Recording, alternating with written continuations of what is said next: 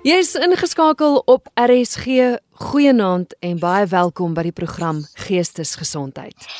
Vanaand kuier die traumatoloog Dr Tessa van Wyk weer saam met my in die program. Goeienaand Tessa.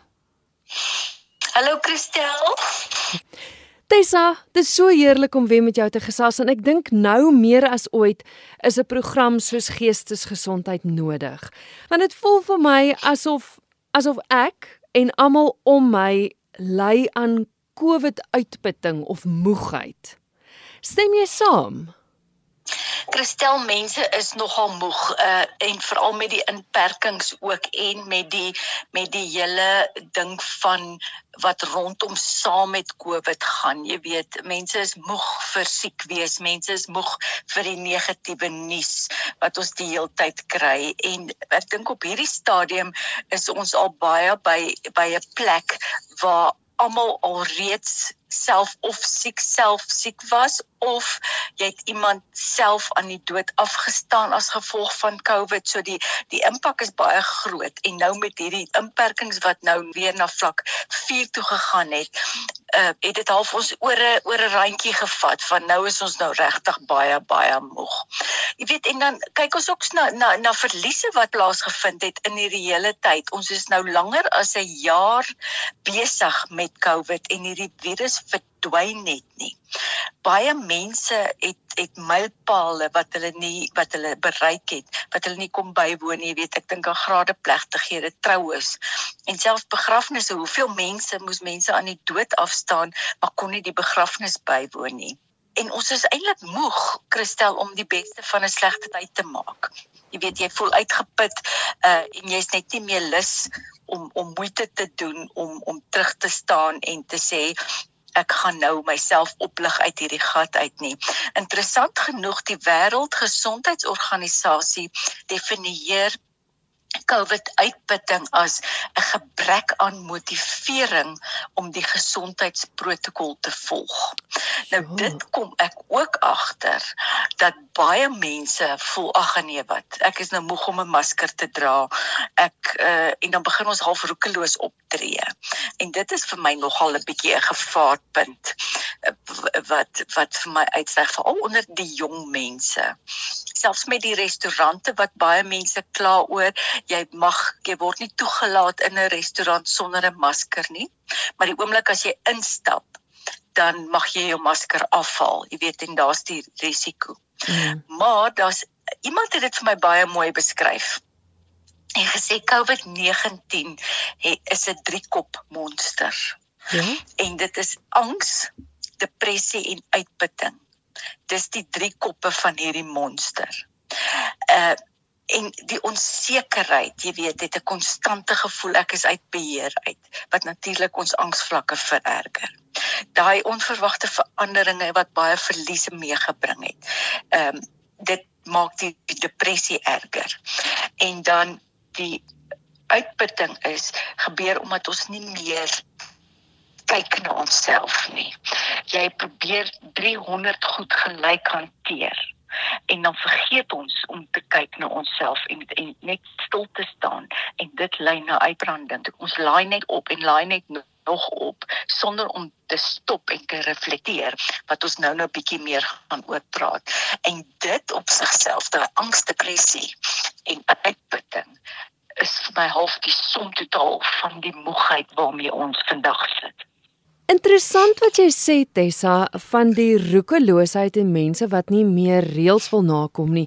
Hier so 'n klein winkelsentrumpie oorkant ons huis, so skuins oorkant ons huis. Die een vrou daar het 'n speserywinkel en nou die dag toe gaan koop ons goed by haar en sy sê daar's hoeveel mense wat in haar winkel instap sonder maskers. Dan sê sy vir hulle, "Sal jy asseblief jou masker aansit?" Dan sê hulle, "Ag, ou vrou, as jy nie my besigheid wil hê nie, dan stap ek uit.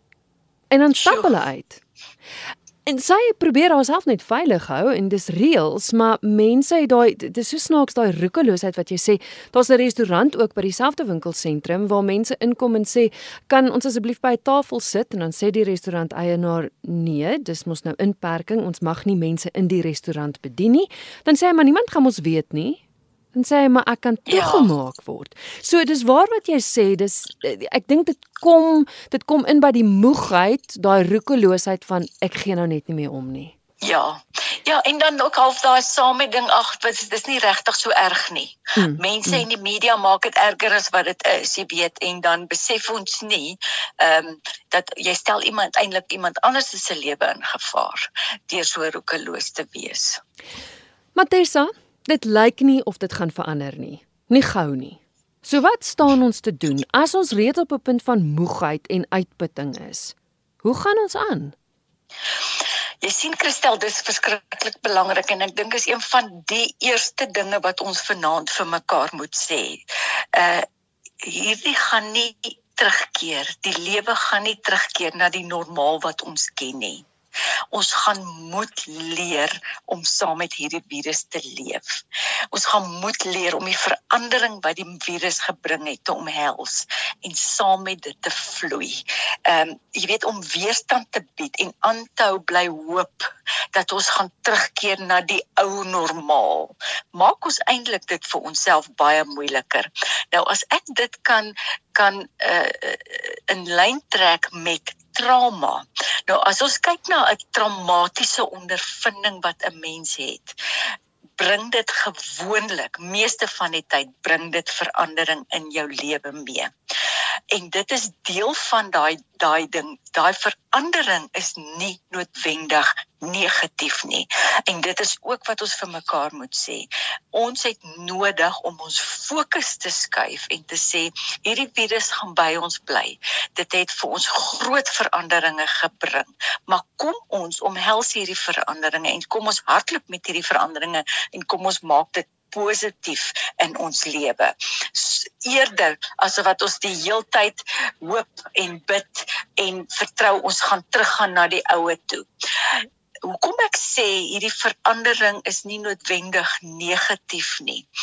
Ehm um, dis by daai plek wat jy net moet gaan stop en tyd neem om bietjie te reflekteer oor jou lewe oor jou verhoudings, oor jou prioriteite, oor jou funksionering, jou vrese, jou drome, alles van jou lewe, jouself jou emosionele pyn. Ehm um, en sê ja, die realiteit is ons wêreld is ges, is geskit en die mat is onder ons voete uitgeruk en uh, maar hoe kan ek anders te kyk daarna? En en dit laat my nogal dink tydens die herfs het ek eendag by die venster en ons het sit 'n vreeslike mooi groot boom agter in die tuin. Hmm. En toe kyk ek na hierdie tuin en ek sien hoe die blare afval en ek dink toe aan die prentjie van as ek nou daai boom gaan skud, gaan daar nog los blare afval. En dit is deel van die ondersoek wat ons moet doen. Ons bome is geskud en dit goed afgeval. En nou moet ons gaan kyk na dit wat afgeval het. En ons moet gaan kyk, is dit negatief of is dit positief? En vra vir jouself, kan ek sonder hierdie wat afgeval het leef? Moet ek dalk sonder dit leef? Moet ek dit dalk daar los op die grond en dit nie weer optel nie? Watter blare moet ek nog laat afval in ons lewe? Jy weet dat ons heeltemal 'n uh, ondersoek doen presies wat ons doen in traumabehandeling. Uh en wat moet ek doen om dalk van die blare wat nie mag afval nie, moet ek dit eerder behou. En op so 'n manier investeer ons in ons lewe en is dit 'n positiewe verandering as gevolg van hierdie COVID-19 en kan ons jare hierna terugkyk en sê maar weet jy dit was 'n aaklige tyd maar ek het dit en dit en dit positief uit hierdie hele situasie uitgevat. En dit is presies wat ons moet doen. Ons moenie teen hierdie verandering werk nie. Ons moet dit in die oë kyk en sê kom ek laat toe dat hierdie negatiewe situasie nou my positief gaan verander. Tessa, dis definitief 'n fisiese stryd teen COVID, die virus. Maar dit voel ook vir my asof dit 'n kopstryd is. Ek was so rukkie terug in aanraking gewees met iemand wat my laat weet het hulle is positief getoets met COVID. So uit die aard van die saak moet jy dan mos nou self isoleer om seker te maak dat jy dan nou nie by die persoon aangesteek het nie. Genade. Dan kry ek 'n skielike hoofpyntjie, dan dink ek ek het COVID. Dan praat ja. ek met iemand en dan sê hulle uh, een van die nuwe simptome is dat jou tone en jou vingers seer is. Dan word ek die oggend wakker en my vinger is seer want ek het hom verslaap, maar dan dink ek, o gats, ek het COVID. Ja. Dan loop ek by die trap op, my knie geskielik seer, dan dink ek ek het COVID. Hoe hou jy jou gedagtes gesond. En ek's nie die enigste een nie. Ek het met baie mense gepraat wat konstant voel hulle het COVID, want die oomblik as jy net nuus luister of jy lees iets, dit oorweldig alles. Hoe ja, hoe ja. gaan ons ons gedagtes gesond hou? Ja, dit is dit is 'n groot realiteit. En weet jy Christel bietjie op 'n ligter noot, my ma in die aftreeoord se een vriendin. Nou hulle praat baie met mekaar en hulle in die aftreeoord ervaar dit ook. Hmm. Jy weet elke neus wat loop of elke hoesie dan dink jy jy het COVID. En toe die een tannie se kinders vir haar gesê, "Ma, jy het nou al 3 keer COVID gehad in die afgelope week. Jy het dit nie ontspan nou." Presies tog. Oh. En dit is nogal daai ding, jy weet onmiddellik veral as dit nader aan jou huis kom of nader aan jou dorp kom. Mense hoor ook mos die nuus en dan hoor jy wat is die hotspots en dink jy, "Dankie tog is nie in my dorp nie of dankie tog is nie in my provinsie provinsie nie, maar dit dit is een van die grootste stryde wat ons moet stry in hierdie hele proses om te sê ehm um, ek ek as ek dit kry, wat gaan ek dan daarmee doen? En die eerste punt wat jy daar moet doen is verander jou fokus rakende jou gedagtes eerder as om op die negatief te fokus om te sê okay as ek dit kan kry, dis amper daai tegniek van worst case scenario. As ek dit gaan kry, het ek sekere goed in plek. Wat kan ek doen en as dit gaan nodig wees dat jy bietjie navorsing doen, bel jou plaaslike dokter of jou huisdokter, vind bietjie meer mediese inligting uit en dan weet jy, as ek dit kry, daar is 'n plan van aksie en daar is genoegsame uh, behandeling wat ek kan kry. En dan natuurlik die nodige masker dra en hande was en al daardie goetertjies. Maar dan is dit verskriklik belangrik om te sê ek gaan nie meer fokus op sekere inligting veral sosiale media inligting nie. En en dit is nogal 'n 'n 'n verskriklike ding wat ons moet leer om te bestuur.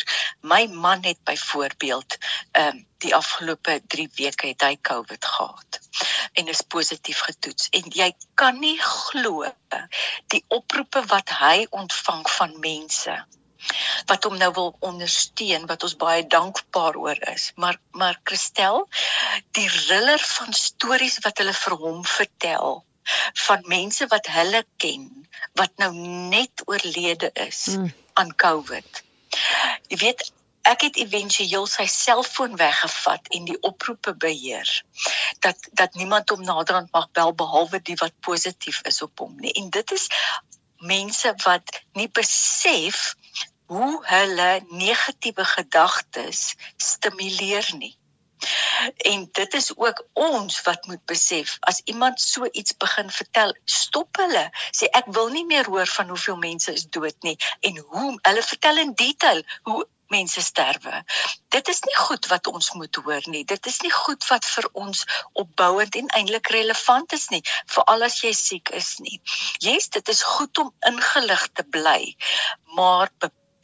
Dis daar's 'n ou gesegde, ek gaan dit nou in Engels sê, garbage in, garbage out.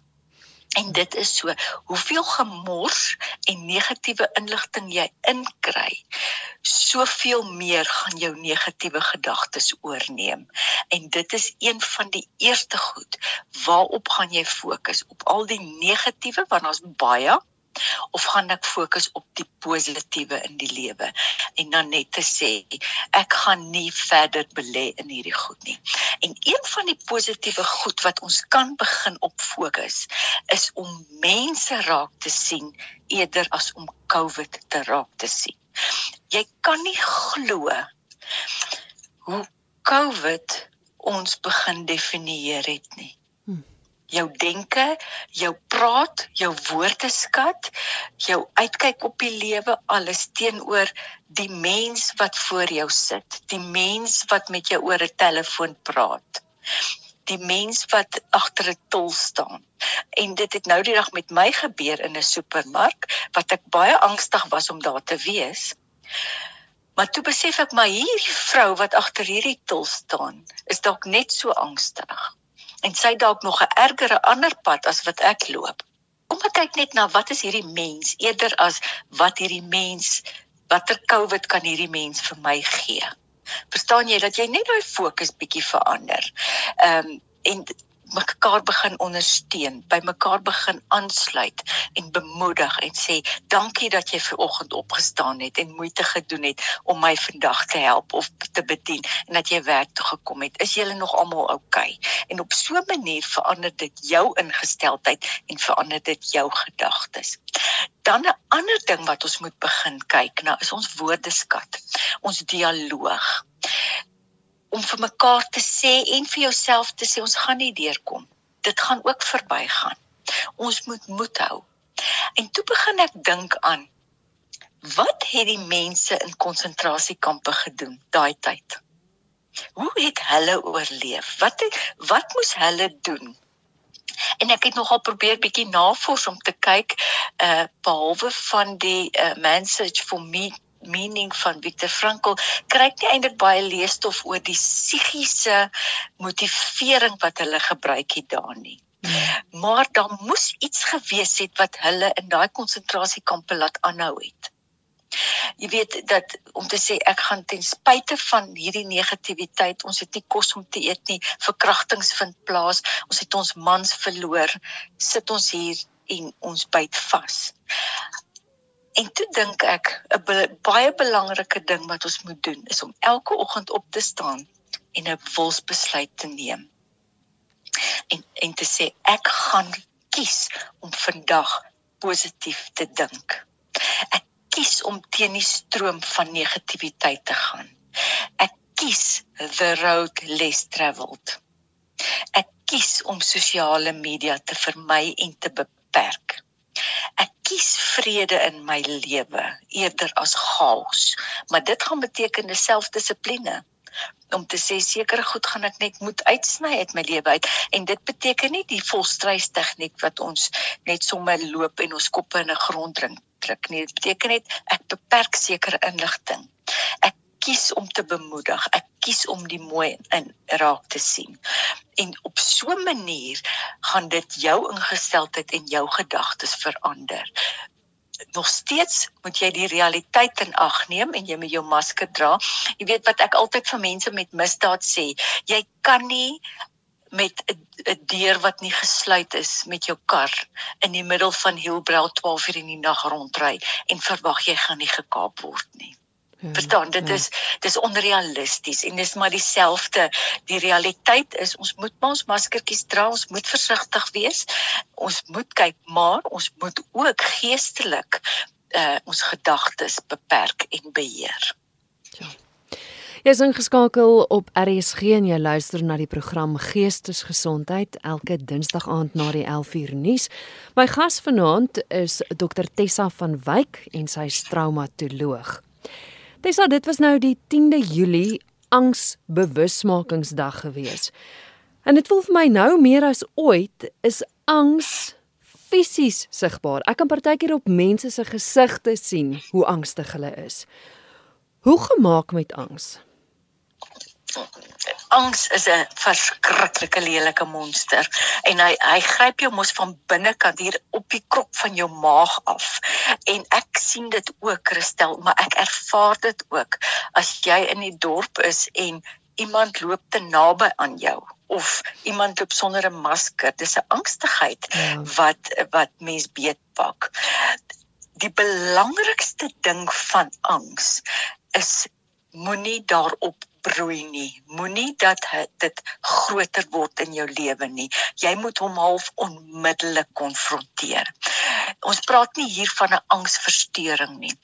Ons praat van as gevolg van die COVID uh, en die pandemie, die angs waarmee ons saamleef. Moenie toelaat dat hierdie monster begin groei in jou gedagtes nie. Wil net weer sê, ons het dit al by vorige programme gesê, maar as jy 'n gedagte kry negatiewe gedagte of positief binne 30 sekondes word hy 'n emosie.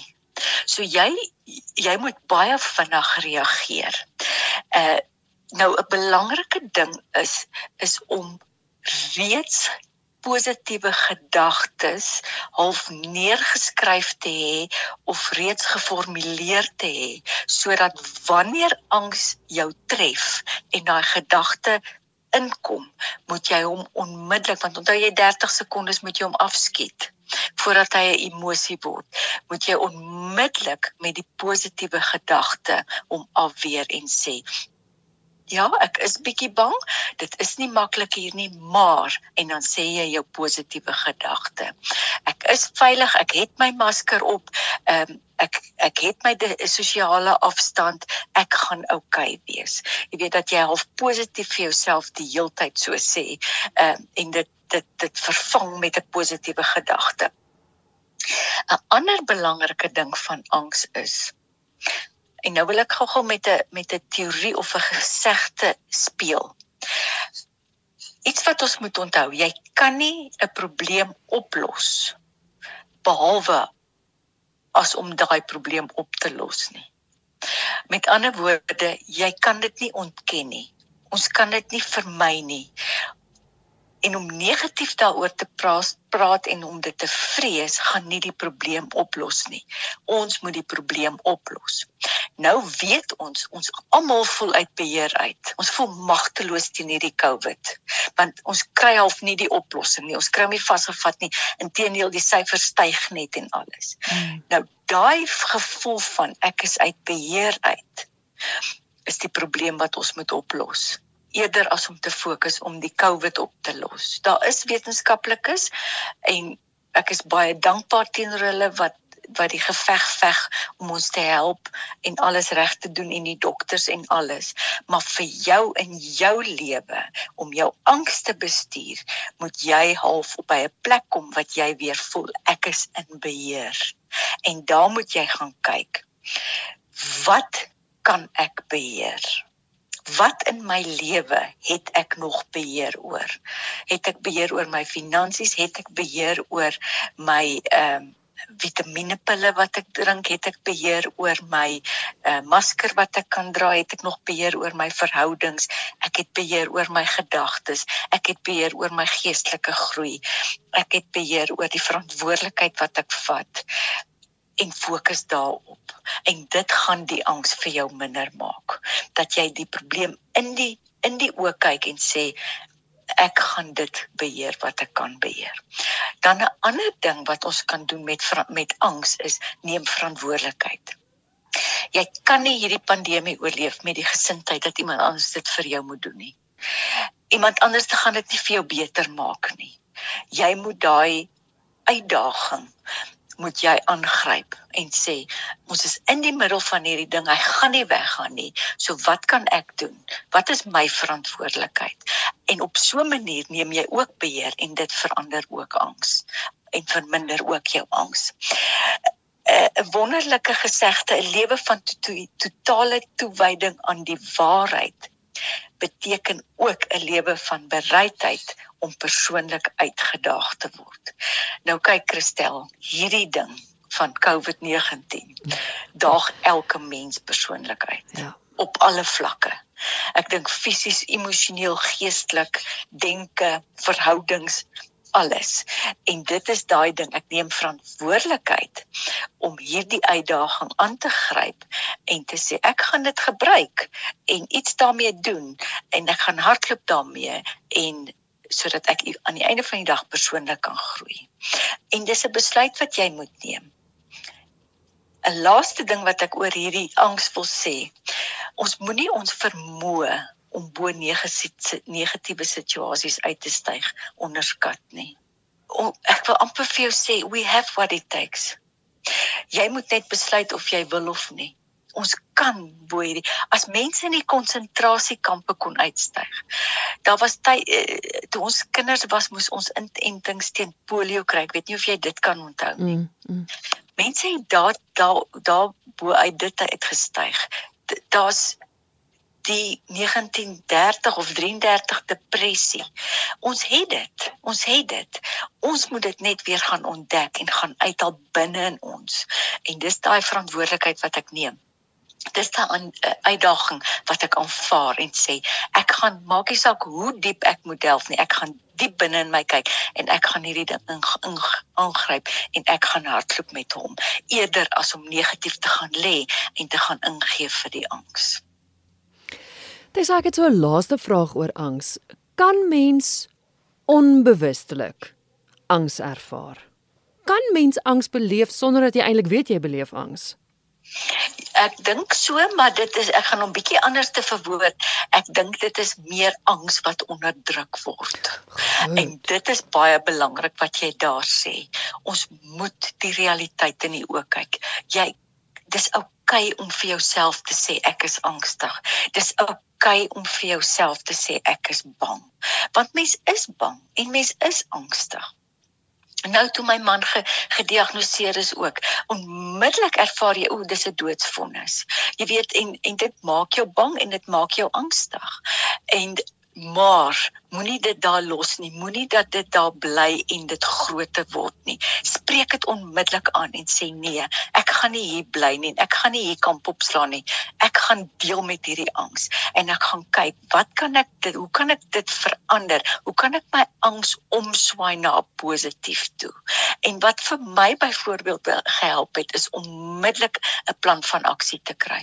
En te sê okay kom ons kyk ons daar's nodige behandeling. Ek het kontak uh, elke dag het ek toegang tot die mediese dokter. Ons het 'n stuurstofmasjienkie. Ons het dit ons het dit. Alles is in plek. So nou gaan ek vertrou en ek gaan uh, oorgee vir die Here om te help dat sy liggaam hierdie virus gaan veg en dit het my angs baie minder gemaak maar ek moes dit in die oë gaan kyk en dit gaan erken moet dit nie onderdruk nie want dit gebeur dan dat hy op 'n manier dan manifesteer deur waar jy vlak asemhaal of selfs begin hoofpynne kry en selfs verder uh uitspoel in negatiewe uh, gedagtes. Jy het vroeër gepraat oor trauma en ek weet in 'n vorige program het ek en jy gesels oor gemeenskapstrauma. Vinnig net gou weer wat is gemeenskapstrauma en sou jy sê dit wat ons nou beleef Is dit gemeenskapstrauma? Ja, gemeenskapstrauma is maar letterlik waar 'n hele gemeenskap ehm um, saam 'n trauma of 'n traumatiese insident ervaar. En daar kyk ons baie keer na 'n uh, uh, uh, uh, die vloede byvoorbeeld, ek dink is Lynsburg. Mm. Ek ja. kan nooit daai dorp onthou nie. Daar's 'n hele gemeenskap getraumatiseer. Onthou jy ook jare terug die Westdene Dam ramp waar daai bus van die skoolkinders in die Westdene Dam ingery het. Dit het ook 'n hele gemeenskap getraumatiseer. Of wanneer ons ook kyk na traumatiese insidente waar die misdaad begin oorneem. En ek weet in baie gemeenskappe het dit baie keer gebeur waar daar so vlaag van inbrake is en dan begin die hele gemeenskap uh, verskriklik bang wees en ewe skielik nuwe alarmstelsels insit en al sulke goed. So dis half 'n kollektiewe trauma wat gebeur met 'n hele gemeenskap. Nou as ons nou kyk na wat hier gebeur, is die kollektiewe skade wat ge, wat uh, aangewend is as gevolg van COVID. En net die COVID infeksie getalle wat nou weer so hoog is. En in meens, meeste gemeenskappe ook die dodetal en dis amper half jy hoor stories van twee huise van jou af is die persoon dood of die kollega is dood. Jy weet so en ons almal ken iemand wat dit al reeds het. Dit het 'n geweldige effek op 'n gemeenskap. Natuurlik ook ook as jy dit hoor op op op die nuus dat jou dorp of jou area of jou provinsie is 'n hotspot. Jy weet dan onmiddellik ook ehm uh, begin jy en die hele dorp kan jy agterkom is ge getraumatiseerd. En, en dit het 'n geweldige effek op ons geestesgesondheid.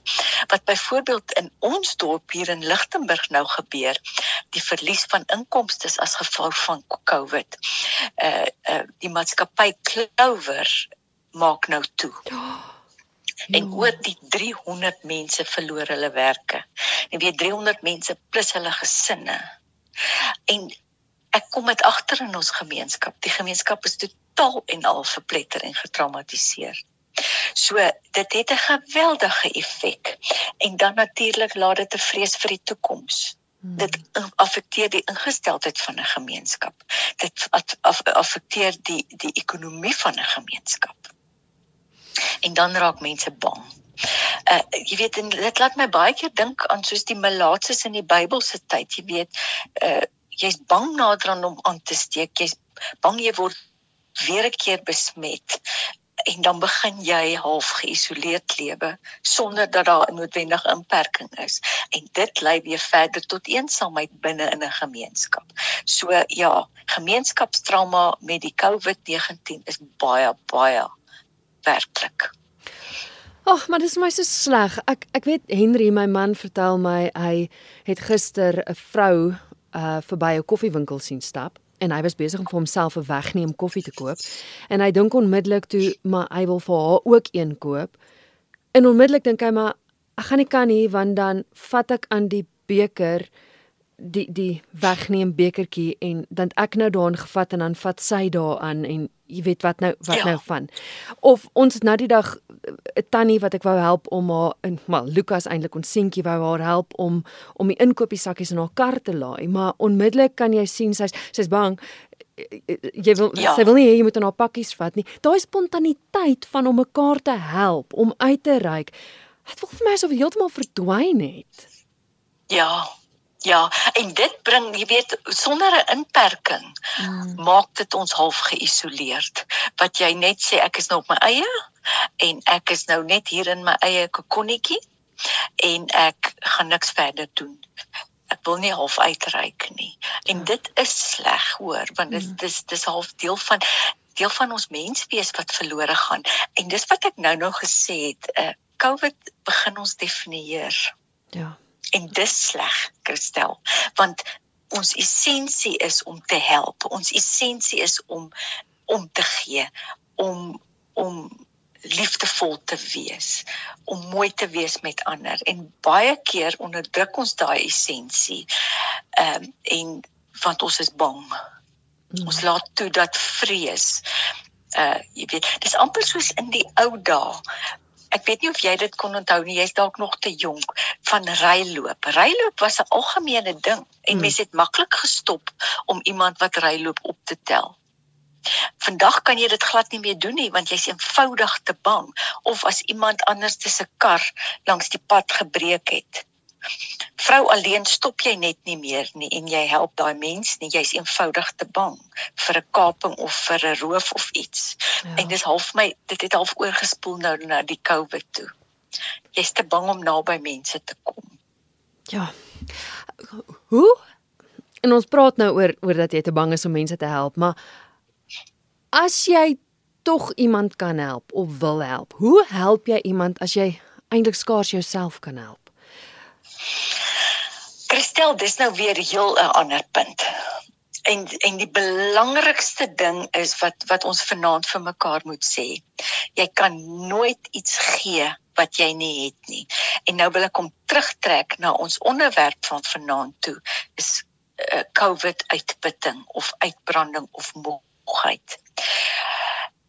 As ek byvoorbeeld vanaand vir jou 10 miljoen rand beloof en ek weet ek het dit nie sit ek soveel druk op myself en en stres en dit gaan definitief lei na uitbranding en uitputting toe.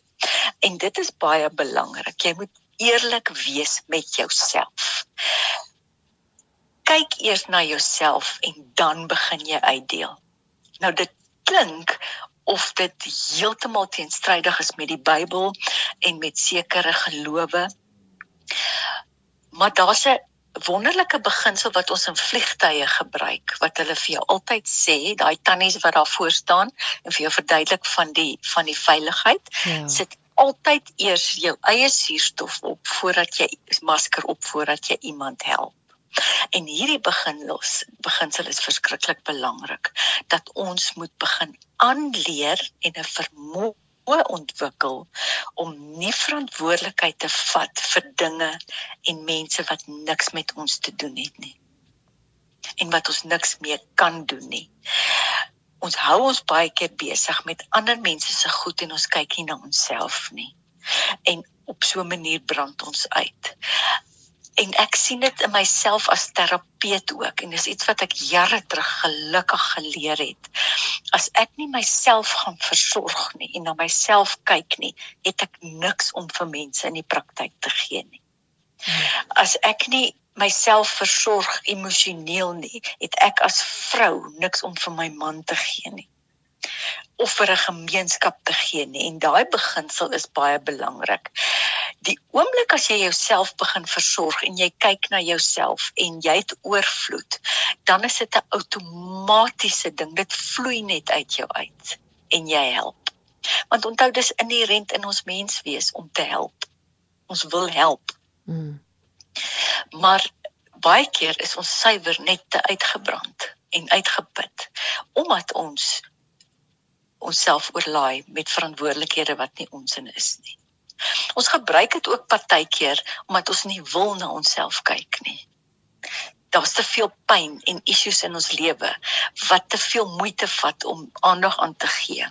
So dan fokus ek liewer op iemand anders se probleme as wat ek na myself kyk en dan brand ek uit. Desa dit is nou hoeka op die 24ste Julie selfversorgingsbewusmakingsdag, self-care day. En ons praat nou oor dat jy eers na jouself moet kyk en dan na ander op 'n geestesgesondheidsvlak. Hoe kan ek myself versorg in hierdie absolute moeilike tye sodat ek ander kan help? Die belangrikste beginsel is maak seker jou tank is vol. Nou daar is is eintlik 'n baie wonderlike voorbeeld. Wanneer jy by byvoorbeeld 'n uh, uh, vanaand besef my brandstoftank in my motor is leeg en ek moet môre by die werk kom en ek gaan dit nie maak nie. Wat gaan ons almal se normale eerste reaksie wees? Jy bring onmiddellik dit in jou beplanning om eers môreoggend die heel eerste ding by 'n petrolstasie te stop om brandstof in te gooi.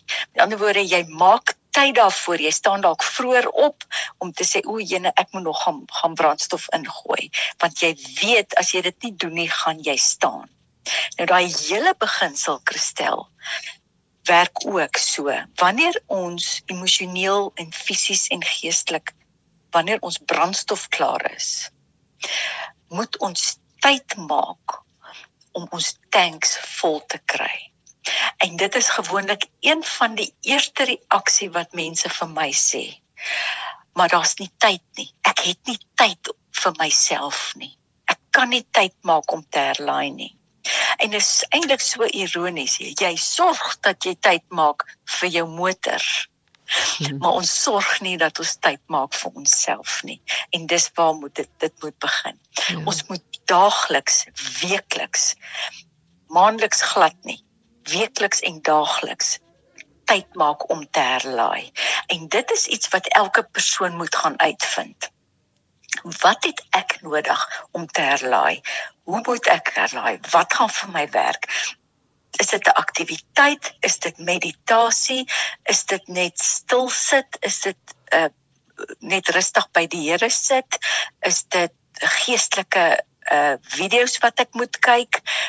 Wat het ek nodig om te herlaai en dan weer fokus op dit wat jy kan beheer en los die ander moet jou nie bemoei met goed wat jou onnodig uitbrand nie jy weet of wat jy onnodig uitput. Ons moet eintlik Christel begin leer om baie meer eenvoudiger te lewe. Ons lewe te vinnig en ons lewens is te kompleks.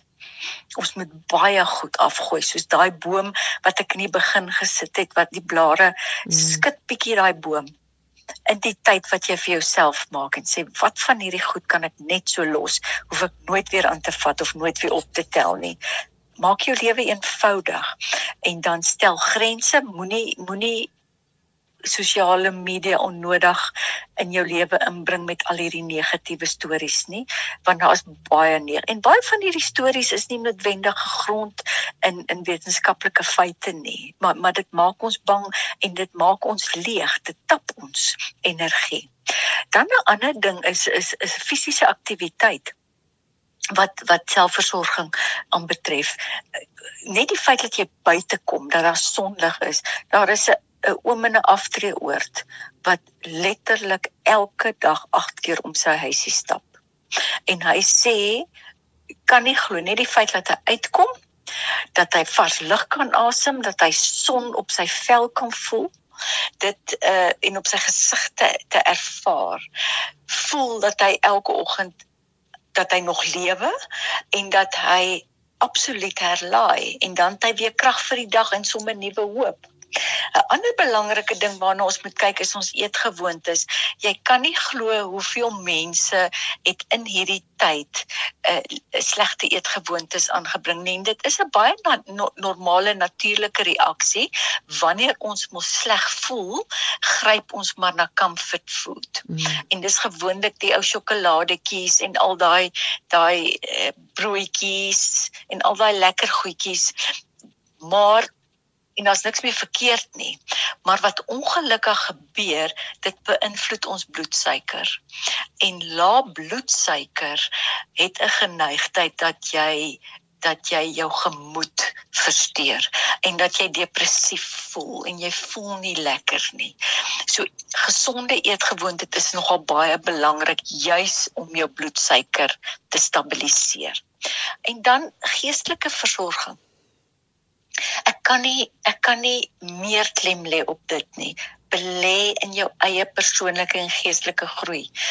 Doen dinge, luister mooi opbouende video's.